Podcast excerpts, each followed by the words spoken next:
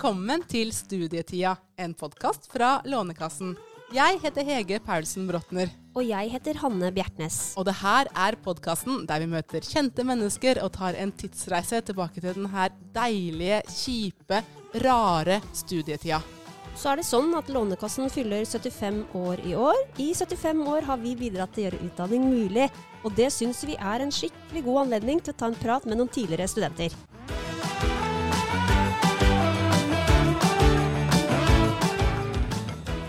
I dag har vi hatt eh, sjefsredaktør i Aftenposten Trine Eilertsen i studio. Og Trine hun var jo egentlig på vei i en helt annen retning enn eh, journalistikken, hun. Ja, Hun tok jo to studier, og med to studier samtidig så blei det også dobbelt opp med parties. Og de festhistoriene til Trine fra studietida fikk meg til å savne min egen studietid skikkelig. Enig. La oss høre på hva Trine sa.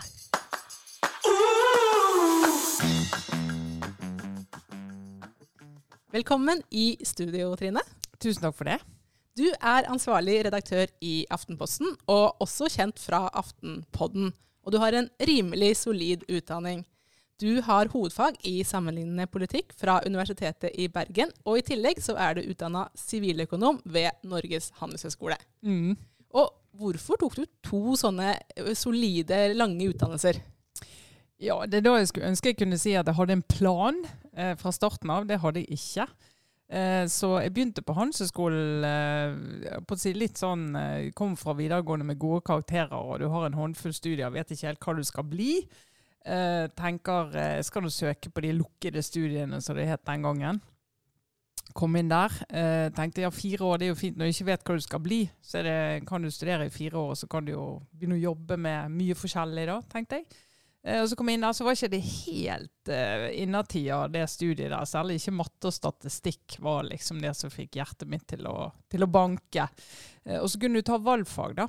Uh, på Handelshøyskolen som du kunne ta på universitetet. Så jeg kunne ta et grunnfag eksempel, og få det godkjent som valgfag. Og da syns jeg sammenlignet politikk det virket uh, spennende. Så da tok jeg det som valgfag. Eh, og det var jo utrolig gøy. Og der traff vi jo masse folk, og var veldig fascinerende fag. Dette var jo Frank Aarebrot sine glansdager. Eh, Bernt Hagtvedt foreleste, så det var jo mange legender som eh, drev det faget. Eh, og da kan du jo tenke at Du kunne jo bare sluttet på Handelshøyskolen og fortsatt der, men det hadde jeg ikke lyst til. da, For jeg hadde lyst til å fullføre det. Så tenkte jeg ja, men det må jo gå bra. Så da styrte jeg mot det, egentlig. Du var liksom sånn klare én, så klare to. Ja, litt sånn. Tar du én, så tar du to. Så Ja, ja. eh, plutselig så har jeg rotet meg inn i historie, grunnfag, og jeg vet ikke helt eh, Ja, det Ja. baller på seg. Mm. Men var det sånn da du kom uh, på universitetet og, og sammenlignet politikk, så var det sånn Det er jo det her som er, det er, jo det her som er gøy. Ja, det var, ja det, var, det var litt det. Uh, At jeg syns det var veldig gøy. Og så var jeg veldig sånn Altså, jeg trivdes sosialt begge steder, men jeg tror noe på universitetet det eh, passet enda bedre for meg. Jeg fikk Mm. litt sjokk når jeg begynte på handelshøyskole, for det var, det var veldig Altså, det var mye forskjellige folk overalt, men på handelshøyskolen var det òg en sånn Hva skal jeg si En stor dose av disse Det var akkurat som noen hadde satt en sånn klokke over Oslo vest. Og så hadde de flyttet en hel gjeng derfra og bort til Bergen. Og så fikk du veldig sånn følelse av at her var veldig mange som kjente hverandre veldig godt. Og jeg var litt sånn eh, sjenert uh, jente fra landet som uh, syntes det var litt uh, mer krevende å komme inn i det miljøet enn eh, det var eh, på universitetet. da. Mm. Men du er fra Bergen eh, opprinnelig? Ja, utenfor Bergen, i, eh, rett over broen til eh, Sotra. Der vokste jeg opp. Mm, mm. Eh, hvorfor, vurderte, hvorfor valgte du å studere så nært hjemme? Nei, det jo, tror jeg var litt sånn Altså, Handelshøyskolen sto jo liksom på topp tre på listen, og jeg hadde lyst til det. Eh, og det var jo mange gøye fag der òg, skulle det vise seg. Eh, matte og statistikk var jo bare en sånn verktøy inni de andre fagene, så det var mye gøy å holde på med der. Eh, så det begynte egentlig med det, at jeg eh, søkte på det. Eh, og så dro jeg litt mer av gårde etter hvert, da. Men hva vil du si er liksom den største forskjellen på Handelshøyskolen og Sampol? Altså de, det høyskolestudiet sammenlignet med universitetet, det var i hvert fall sånn som jeg opplevde det, så var jo universitetet mye mer sånn Det var ikke så strukturert eh, som Handelshøyskolen var den gangen. Eh, der du gjerne holdt på med flere fag parallelt, og du skal ha flere eksamener på slutten av semesteret. På, på universitetet var det jo mer sånn du holdt på med ett fag, og så hadde du kanskje skjedde noe i slutten av semesteret, men sannsynligvis skjedde ikke noe før etter et år. Så det var en helt annen frihet. Uh, og krevde jo mye mer av, uh, av, evnen til å strukturere dagene, kollokviegrupper, altså sørge for fremdrift. da. Uh, det tror jeg har endret seg siden den gangen. Men det var jo akkurat den friheten som gjorde at jeg kunne faktisk ta to studier parallelt. For da kunne jeg gjøre meg litt ferdig på universitetet i sånn november og mai. og så kunne jeg lese til eksamen på Handelshøyskolen i desember og, og juni. Men hvordan gjorde du det her i praksis? Gikk du på alle forelesninger på begge stedene? liksom? Det var ikke så mange forelesninger på universitetet. hvis du gikk. Det var kanskje én eh, på morgenen kvart over åtte, typisk. Der var du? Der var jeg. Ja. Både på historie og sampo. Der begynte vi kvart over åtte, så det var jo en lidelse. Eh, og eh, så ute på Handelshøyskolen var det gjerne litt sånn kollokvier eller litt forelesninger seinere på dagen. Så jeg dro gjerne ut der og dro tilbake og leste og holdt nå på. Så akkurat nå klarer ikke jeg helt å skjønne at jeg gadd, men eh, jeg syns ikke det var så, men hva sa de andre? veldig vanskelig. Hva sa, hva sa, studentene på det ene stedet når du da skulle over på det andre også? Nei, det var, det var ikke noe rart med det, egentlig. Jeg tror det var en som lurte på at jeg på universitetet særlig hvorfor jeg gadd å gå på Handelshøyskolen. For der var jo mye bilder av hvem det var som gikk på Handelshøyskolen. Men det kunne jeg jo avkrefte. Det var ikke så eh, ens, ensrettet som eh, mange trodde. Det var mye større variasjon der òg enn eh, myten skulle ha det til. Men du sa det at når du kom på, på universitetet, så var det skikkelig gøy. Og hva var liksom det gøyeste? Nei, altså det var jo For det første var jo faget veldig gøy. Og så kom jo inn eh, en gjeng som begynte på sammenlignende politikk som var veldig motivert for det. Det var type sånn mm. fag som mange hadde hørt om, og gikk masse, hadde gått masse gulle folk der før oss. Og det var litt sånn mytisk eh, rundt det faget, da. Eh, og så tror jeg det hadde litt med å gjøre at det var flere der som eh, kom fra andre steder, og ikke kom i hele fiks ferdige vennegjenger. Om de kom fra et annet sted i Norge eller hvor det måtte være. Sånn at i første pause på første forelesning så begynte folk å prøve å bli kjent med, med noen. Og jeg traff en som jeg hadde vært på et vorspiel med en gang. Det var eneste jeg For hun var en venninne av en venninne. Altså. Så vi liksom helt sånn forsiktige. Har ikke vi møtt hverandre en gang for to år siden, og det hadde vi. Og det ble liksom starten på, på et livslangt vennskap. Ja. Uh, og så ballet det på seg, så det var litt sånn lykkelig miks av omstendigheter, tror jeg. Men du begynte å studere tidlig på 90-tallet. Og Hanne, du har kikket litt an på hvordan, uh, hvordan stemninga var i Norge på den tida. ja, ikke bare Norge, men uh, altså, du starta å studere rett etter at Berlinmuren falt. Mm. Det er klart at det påvirket jo både Norge og verden. og på musikkfronten så hørte vi på alt fra Spice Girls og Backstreet Boys til Pearl Jam og Nirvana. Mm. Vet ikke hvor du var, men det kan vi få høre etterpå, kanskje. Og vi vil alle ha samme hårsveis og klesstil som Rachel i Friends. Ja, jeg har jo det ennå. Kjempebra. Jeg, jeg, fant min sveis med Rachel. Så. Ja, det er fantastisk. Ja. Og så var det jo Grandiosa som ble Folkets pizza, og vi fikk Mr. Lee-nudler. Er det no, noen av disse tingene du har noen spesielle, konkrete minner om? Ja, det er Nivana. Uh, var, vi, var, vi, og jeg var ikke på Spice Girls uh, tracket den gangen, men eh, Nirvana husker jeg jo veldig godt. Og jeg tror faktisk de skulle ha en konsert i Norge som jeg skulle på, men så plutselig så ble de kjempestore, og så droppet de selvfølgelig Norge. Eh, så det var, det var, den veien vi holdt på i Bergen og hørte på, på det. Eh, og så Grandis husker jeg. Jeg spiste aldri det. Jeg spiser det fremdeles ikke, men jeg bodde i et sånn veldig fint eh, jentekollektiv, så vi lagde jo en del sånn ordentlig mat. Taco Ja, ikke taco heller, men mer Ja, jeg tror vi, vi var faktisk litt sånn kyllinggryter og litt mer uh, hakk opp, vil jeg si. Ja. Det var særlig hun ene venninnen min som sørget for det. da. Jeg, kunne, jeg, var veldig veldig svak på matlaging da jeg flyttet hjemmefra. Men uh, hvordan var du som student, da? Uh, jeg var jo altså typisk pliktoppfyllende, da, som alltid vært. er fremdeles. Eh, og sosial, men ikke av de der mest sånn eh, voldsomt der ute og med i alle foreninger og studentaktiviteter og sånn. Men jeg var jo hjertelig til stede på alt som skjedde i helgene og ute. Men hadde liksom min gjeng, da. Eh, og det var jo håper å si, alle kjønn og eh, mange fag. Og, så det var veldig sånn stor, fin gjeng som Mange av de er mine nærmeste venner i dag. Jeg vil nesten si at 90% av min nære ungdomskrets i dag stammer fra den tiden, direkte eller indirekte. Mm, men dere hang på kroa òg, liksom? Absolutt. Absolutt. Og vi, ja da, absolutt. Og det var lite søndagstur. Mye sove ut etter lørdagen. Så det husker jeg vi ofte satt i slåbrok og så opp på Byfjellet og sa der skulle vi ha vært. Men eh, nå er det for seint å begynne å gå. Kanskje neste helg. Kanskje neste Ja. Men det som er så fint med Bergen, er at man kan ta liksom den fløibanen opp. Og det er jo veldig, veldig enkelt. Så kan du gå ned sjøl når du er litt bakis. Ja. Så det skjedde jo når det var veldig fine dager. Og så hadde vi jo, sant, det var jo en litt sånn frihet på den tiden, så hvis det var plutselig hadde snødd en halv meter på Voss, så var det jo å avlyse alt og ta toget opp der og stå på Mhm. ski. Sant? Så det var jo òg en, eh, Frihet, en herlig, herlige minner, altså. Men hvordan eh, bodde du, da? Eh, Ja, jeg bodde mange forskjellige steder, men jeg bodde for det meste i kollektiv. Eh, med forskjellige folk, åpenbart. da. Men folk fra Handelshøyskolen, eller? eh? Ja, nei, det var litt sånn forskjellige folk. For type sånn du blir ledig plass i et kollektiv, og så flytter du inn der, og så er det en som går på psykologi, og en som går på historie, og en som går på sykepleie, og, og Ja. du, og så Ja, litt sånn. Eh, Så det var litt forskjellig, egentlig. Men eh, jeg bodde med mye folk, ja. Det har jeg gjort. Jeg flyttet mye, så jeg har vært utrolig sånn Vente meg liksom til å ha livet i en kasse, da. Fordi at du gadd det. For det var mye trapper. sant? Typisk sånn leiligheter opp fem etasjer, og du skulle jo bære alt opp og ned. Og hvis jeg kanskje skal bare bo her et semester, eller Men hvorfor ble du ikke boende lenger? eh? Nei, det var nå litt sånn det var, på en måte. Fordi at eh, Ja, så var det et kollektiv som gikk i oppløsning, og så tenkte du ja, men så er det noen som sier ja, men du kan flytte inn hos oss. Ja, og så flytter jeg inn der, og så skulle, de, så skulle de på utveksling, og så flyttet du inn der, og så bodde du der mens en var på utveksling. Det var litt sånn Ja, mye greier. Når du snakker om det, så får jeg sånn følelse at alt var mye enklere da. Ja, ja det, på en måte. Det var jo i hvert fall veldig sånn eh, det, Selv om du ikke visste hvor du skulle bo neste høst, så var ikke det noe krise. Det ville jo alltid løse seg.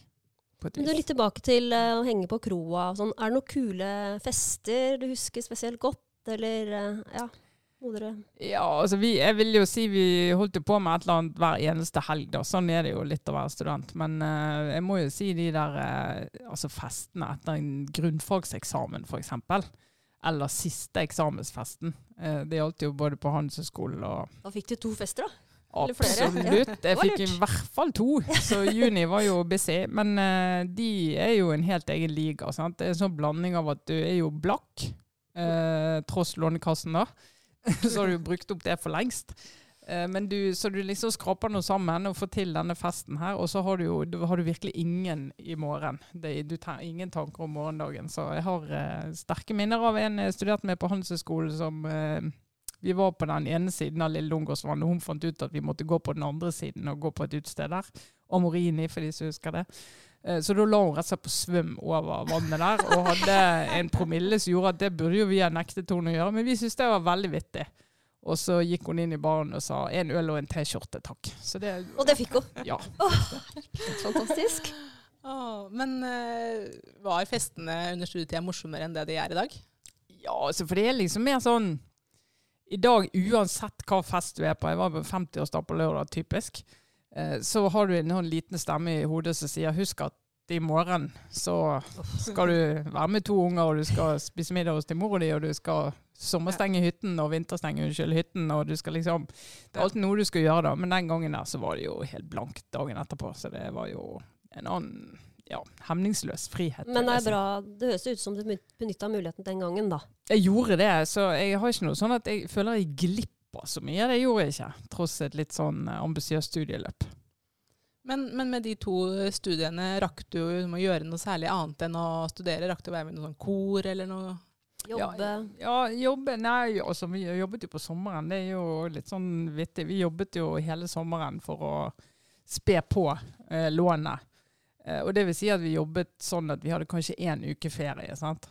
Nå kan jo jeg oppleve at vi har folk på sommerjobb hos oss som forventer å ha tre uker fri i juli.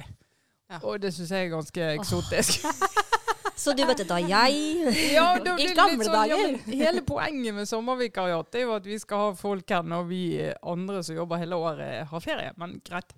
Eh, Så vi jobbet jo ganske mye, ja. og særlig hvis du ikke skulle jobbe resten, altså samtidig mens du studerte, så måtte du jobbe ganske mye om sommeren. mm. Eh, Så det gjorde jeg alle de årene. Eh, Og jeg husker veldig godt da jeg var ferdig å studere. Første året jeg hadde tre uker sommerferie og dro til utlandet. liksom. Det var jo Evighet. helt fantastisk. Amazing. Utrolig. Men hva jobba du med?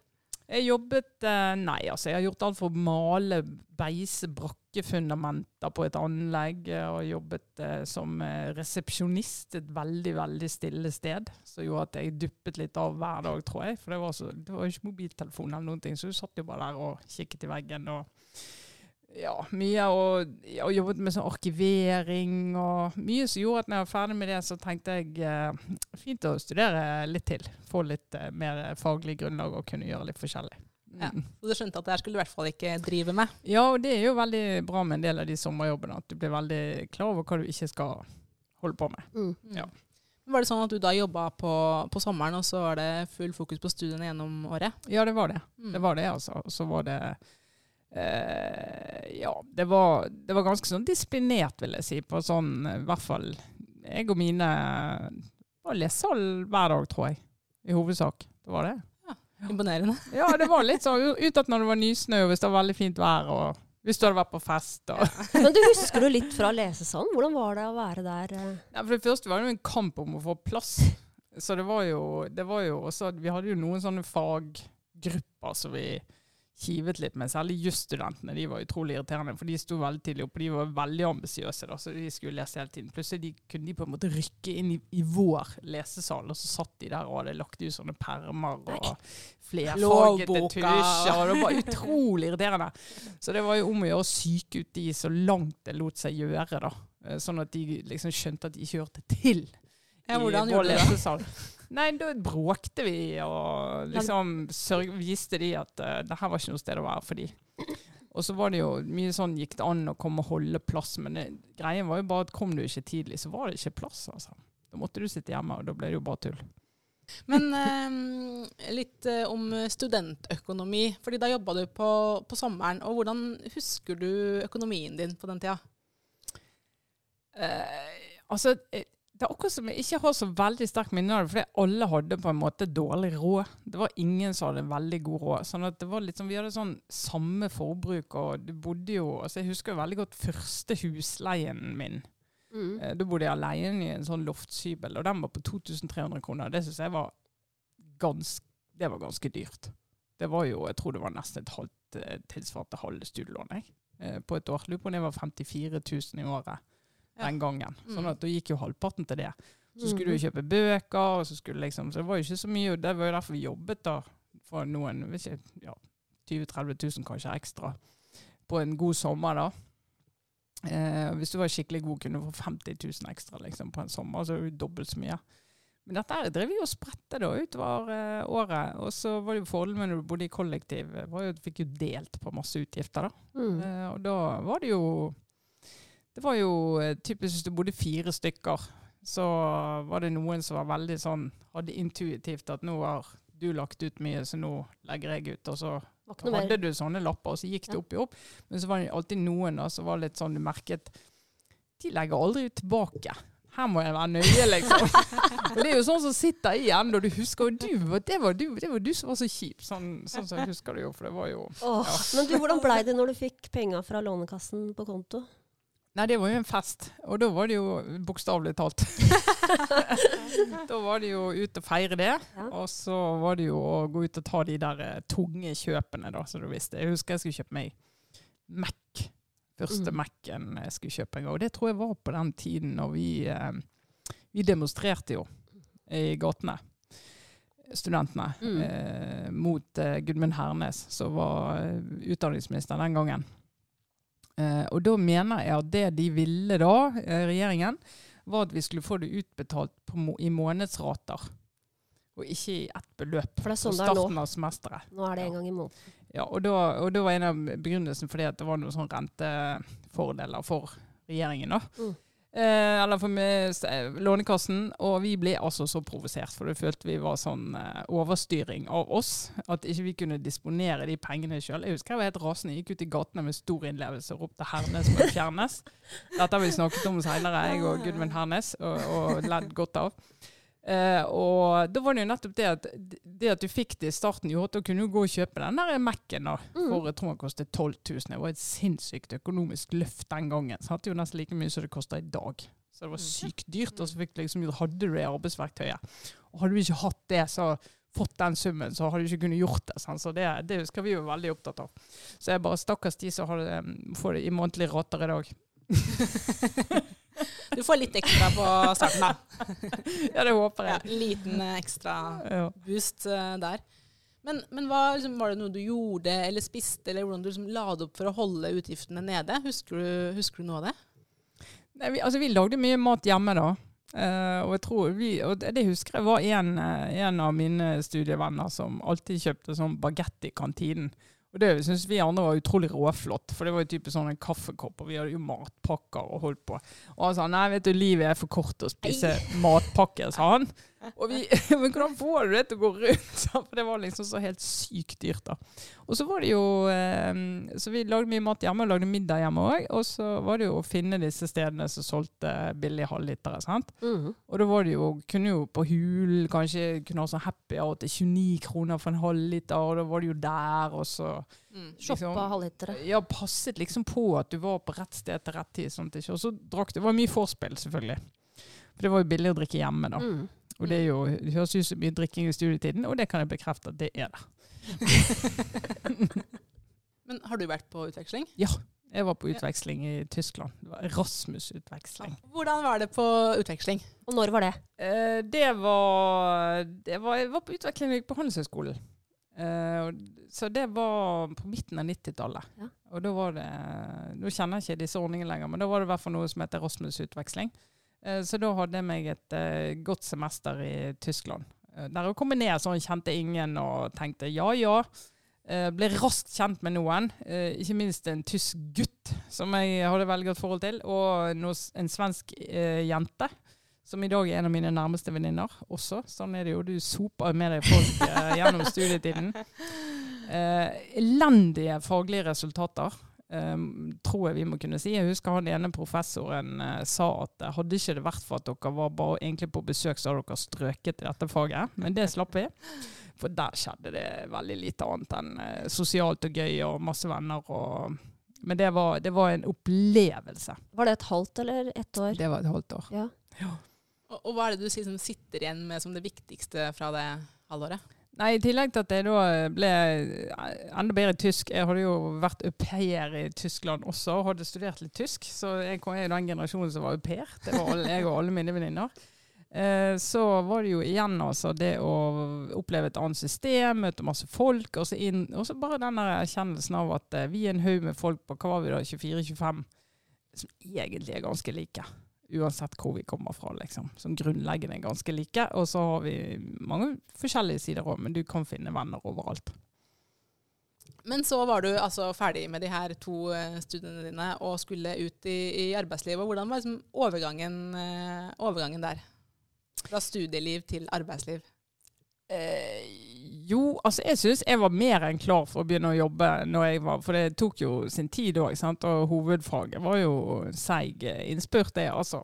Så jeg var kjempeklar for å begynne å jobbe. Jeg tror det er litt sånn som på slutten av svangerskap. Det grunnen til at svangerskapet varer så lenge, det er at du skal bli så lei at du ikke gruer deg til å føde. Så jeg var akkurat så lei av å studere at jeg var veldig klar for å jobbe. Ikke minst for å få en inntekt hver måned. Og jeg syns egentlig det var Det var det du ikke ville ha? Penger inn på konto hver måned? ja, da, da ville jeg det jo plutselig det, da. Ja. Men jeg fikk jo litt sjokk og da òg, når jeg skjønte at å herlighet, nå skal jeg begynne å betale tilbake da, til Lånekassen og betale husleie. Jeg bodde alene, og det var jo liksom utgiftene gikk jo rett i taket. Mhm. uh, så jeg fant ut at det jeg trodde var en god inntekt, så var det mye, mye mer enn en lånet. Uh, det holdt så vidt. Det holdt så vidt. Så eh, det var, det var litt sjokk, altså. Men eh, så typisk sånn når du går ut i første jobben din, så jobbet masse, masse, masse. Og de helgene de ble jo De var jo ikke i nærheten av så gøye som de hadde vært. sant? Så vi var jo ute og holdt på da, men det var jo ikke så gøy som det hadde vært når vi var studenter. For du visste jo at det, det kommer en morgendag. Men jeg har også lest at du nesten begynte på UDs aspirantkurs. Ja, det var litt sånn drø drø drømmen jeg bar på, holdt jeg på å si. Eh, Jeg hadde nok sånn bilde i hodet av at eh, diplomati, og det lå nok litt bak den eh, Sampol-valget mitt da. da. Eh, og så kommer jeg fra familie som har bodd mye i utlandet, og vi, vi, jeg har bodd i utlandet flere ganger. Så jeg tenkte at å flytte litt rundt og bo i utlandet og jobbe med diplomati, det er noe for meg. Eh, så da søkte jeg jo på aspiranten i, i UD. Eh, mens jeg var trainee i Statoil, som var min første jobb. Um, og fikk det. Fikk det, men uh, hadde da også fått et vikariat i Bergens Tidende. Uh, hvor jeg plutselig hadde fått det for meg at nå søker jeg på det. Bare for å se om det er mulig. For jeg hadde nok en liten sånn journalist inni meg et sted som jeg hadde fortrengt litt, tror jeg. Uh, og så fikk jeg det vikariatet, og så fikk jeg den aspirantplassen. Og da måtte jeg jo velge, pluss at jeg måtte jo velge da om jeg skulle si opp i Statoil. Ja. og da valgte jeg vikariatet til, i Bergens Tidende til min fars store forskrekkelse. Så han lurte liksom på ja, men hadde ikke du alltid drømt om, drømt om det. Eh, men da hadde jeg bodd i utlandet eh, da jeg søkte. Og gjorde, levde på en måte sånn som jeg hadde drømt om. Sant? Var ekspert i et annet land. Og, Hvor var du? Det var i USA. Uh, og tenkte at det hadde jo mange gode sider, men så var det litt sånn kombinasjon, tror jeg. At, og Den gangen bodde hele min familie sånn, Min bror bodde i Stockholm, mine foreldre bodde i Belgia. Vi bodde liksom veldig spredt. Og så plutselig Min mor ble veldig syk den gangen. så da var det to ting som skjedde. Det ene var at jeg opplevde at jeg hadde behov for å være nærmere familien enn jeg hadde trodd. og det andre var at jeg syntes det utestasjoneringslivet det var ikke så spennende som jeg trodde. Eh, og som jeg hadde håpet. Og jeg liksom tenkte jeg tror kanskje egentlig at jeg trives best hjemme. Ja. Mm. Med venner og naturen, og ikke minst naturen. Jeg er jo utrolig opptatt av. Og Bergen? Så. Bergen var egentlig ikke så viktig. Eh, så det var jo der jeg begynte å jobbe. Og Så tenkte jeg nå skal jeg være to år i Bergen.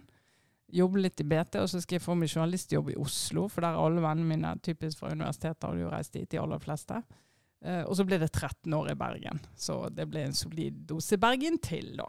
Ja, før jeg dro til Oslo til slutt. Men hva var det, hva var det med journalistikken som appellerte? Så mye at du ofra UDs aspirantkurs, som nesten ingen sier nei til? nei, vi, jeg tror ikke vi er mange på den listen.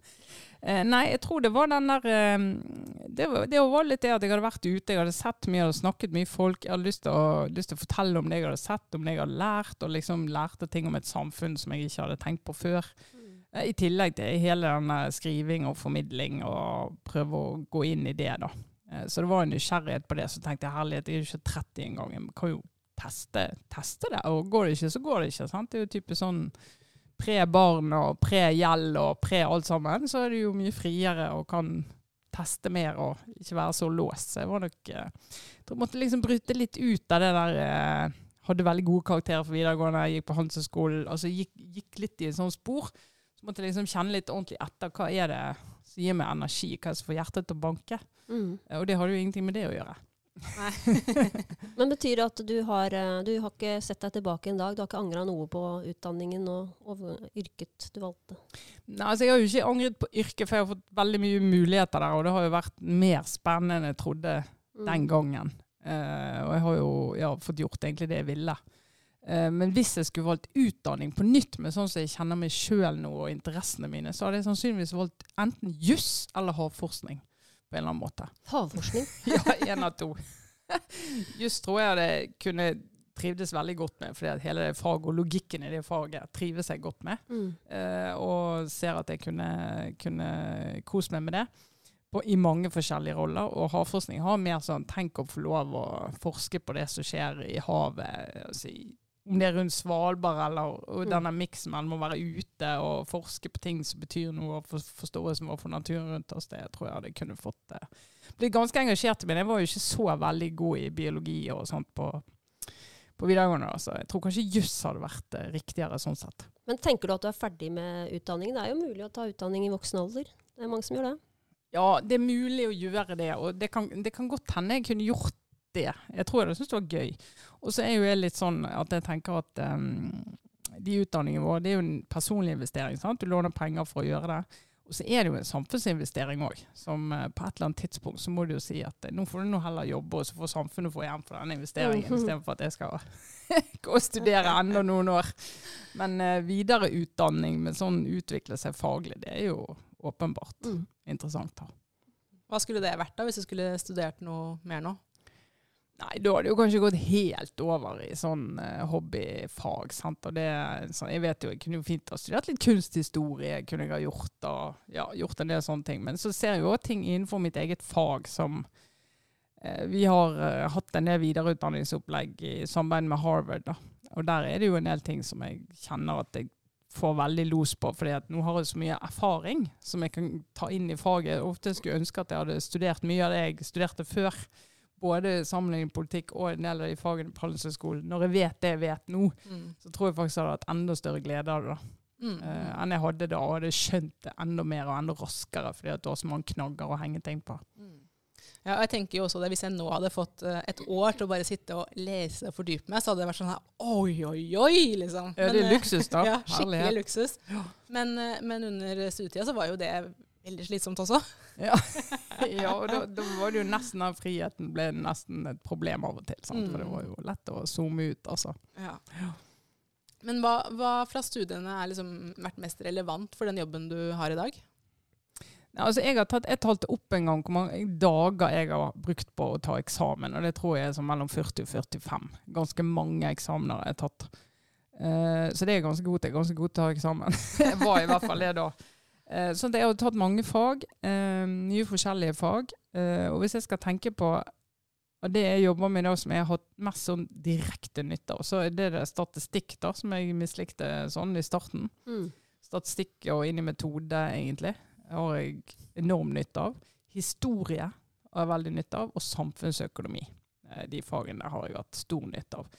Og de andre fagene eh, masse nyttig og greit og kjekt, men jeg skal liksom se hva jeg har sånn direkte nytte av. Men så er det jo mange av de fagene, det handler jo òg om en måte å orientere seg i, måte om å finne informasjon på, måte å strukturere Mm. informasjon og argumentasjon på. Sånn at alle de fagene på den måten har jo vært nyttig. Mm, mm. Men studiene handler jo ikke bare om fagene heller. Og, og hvordan vil du si at liksom, studietida har forma deg som eh, menneske? Jeg vil nesten si det er de viktigste årene i utviklingen, i hvert fall i min. Da. Jeg syns mange rundt meg òg. For det er klart, altså, sant, når du er 18 år, så er du voksen eh, på papiret. Eh, Men du, er jo, du har så vidt begynt å finne deg sjøl og hvem du er. Du har liksom begynt å teste litt. Jeg, sant? Politisk er jeg her eller der. Hva gjeng vil jeg være med? Hva stil har jeg? Sant? Du liksom prøver og tester og finner ut at det passet ikke, det passet. Eh, Men i studietiden så får du jo mye mer sånn ja, Du får mye mer å velge i. Du får mange flere muligheter til å finne ut hvem du er. Du får bli kjent med mange flere folk. Du blir utfordret på en helt annen måte. Altså Bare det med at du møter folk som er helt sånn rivende uenige med deg, eh, og kan sitte og rope til deg, og så er vi venner etterpå. Bare å bli litt trent i det. er veldig sunt. Eh, og folk som kommer fra en, faktisk en helt annen bakgrunn enn du gjør, om det er geografisk eller sosialt, eller hvordan det måtte være, eh, lærer du masse av. Så det der at du samler masse forskjellige folk og og av og til vi sier eh, at vi er veldig, vi er veldig like og homogene og, eh, i Norge, og ikke så mye mangfold som i mange andre land, kanskje, eh, med unntak av Oslo. Eh, men jeg mener jo at på de studiestedene, og ikke minst pga. Lånekassen, så får du jo inn folk fra enormt mange forskjellige steder i Norge med veldig mye forskjellig bakgrunn, og du får bli eksponert for mange forskjellige ståsteder og erfaringer på en helt annen måte enn når du holder deg i ditt trygge hjemmemiljø. da. Mm, mm. Det, tror jeg du har, eh, det tror jeg du har helt rett i. Og det, det er jo liksom litt kleint å spørre om det her, men det er jo Lånekassens jubileumspod, Mm. så bare lurer på, hva har Lånekassen betydd for deg? Altså, det var jo en grunn til at jeg kunne eh, bruke de årene som jeg brukte på å studere, eh, og få lov til å møte de folkene jeg møtte, og lære det jeg gjorde, og ha den erfaringen jeg gjorde. Jeg var jo, jeg tror så mange på min alder, alder eh, første generasjon eh, i min familie som tok høyere utdannelse. Sant? Og foreldre som har akkurat de samme, for så vidt, eh, mentale forutsetningene. Eh, men som ikke har de økonomiske forutsetningene eh, for å ta de valgene som jeg har gjort. da. Eh, Så det er jeg sett på som det er, sånn, det er et privilegium å få lov å utnytte og benytte en sånn ordning eh, for å få gjøre det jeg har gjort. Jeg har jo utnyttet den jo til fulle. Selv om jeg lurer på om jeg fikk et eller annet sånn stipend, noe tilbakebetaling, for det jeg gjorde under hovedfag på noe mer tid. Så det var noen penger som kom andre veien opp på et tidspunkt. Men jeg vet ikke om det fins lenger. Men, men du er ferdig med oss nå? Jeg er ferdig med dere, og jeg husker veldig godt siste innbetalingen. Da, da hadde, det hadde jeg planlagt med en aldri så liten flaske vin. Ny fest? Da satt jeg alene. Jeg husker, var det, i Bergen? Ja, det var i Bergen. Da hadde jeg fylt opp glasset, og så skålte jeg med meg sjøl og trykket sånn Jeg tror det var på sånn nettbank eller et eller annet. Så der gikk siste. Det var, det var litt sånn rar følelse òg. Det var litt sånn Mm. Relasjonen jeg har hatt i mange år, da, var Mm. over, på en måte. Mm. Ja. Ja, Vi skriver jo i det siste brevet så skriver vi 'Håper du har glede og nytte av utdannelsen din'. Og det er mange ja. som sier sånn 'Å ja, det har jeg, det har jeg'. Ja, ja, men det er jo helt klart. Så det, ja, det er jo en ja, Jeg må bare si det er jo en genial institusjon. Ja, Hvis vi skal bare heve, heve blikket litt, da. Hvordan tror du Norge ville sett ut hvis ikke det var eh, for Lånekassen? Jeg tror det hadde vært ganske stusslig. Jeg tror vi hadde fått utnyttet mange færre av de ressursene vi har. Eh, og det er, jo, det er av og til vi sier at eh, ja, oljeformuen er veldig viktig for oss, men det er jo de hodene, både de som utvikler eh, gjør at vi kunne benytte oss av oljeformue, men ikke minst de som har utviklet Norge til det samfunnet vi har blitt, sant? med både kunnskapssamfunn og alt det andre som vi, vi holder på med. altså Høyt nivå på helse, på utdanning, på alt ligger vi jo helt i toppklasse i, i hele verden. Og det handler jo om at så mange har fått muligheten til å bidra. Mm. Uh, at ikke du har en bitte liten elite som skal gjøre alt dette, for de er sikkert flinke, de, men uh, da har du så få å ta av. Så det har gjort at du har flere å ta av da, Mm. inn uh, til å løse flere oppgaver. Så det har vært kjempeviktig. Du, eh, vi har tre spørsmål vi pleier å stille til slutt. Uh, Ei låt som minner om studietida.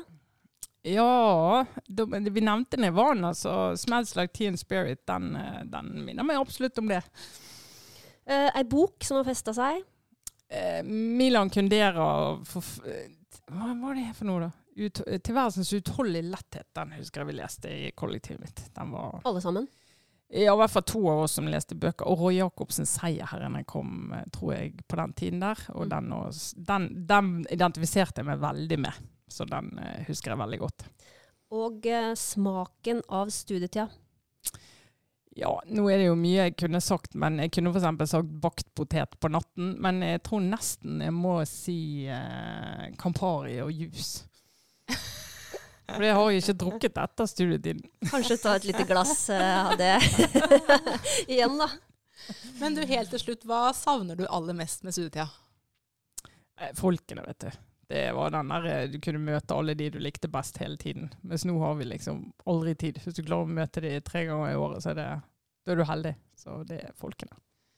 Hvis det er noen som hører på det her nå er helt i starten av sin egen studietid, har du noe råd til dem?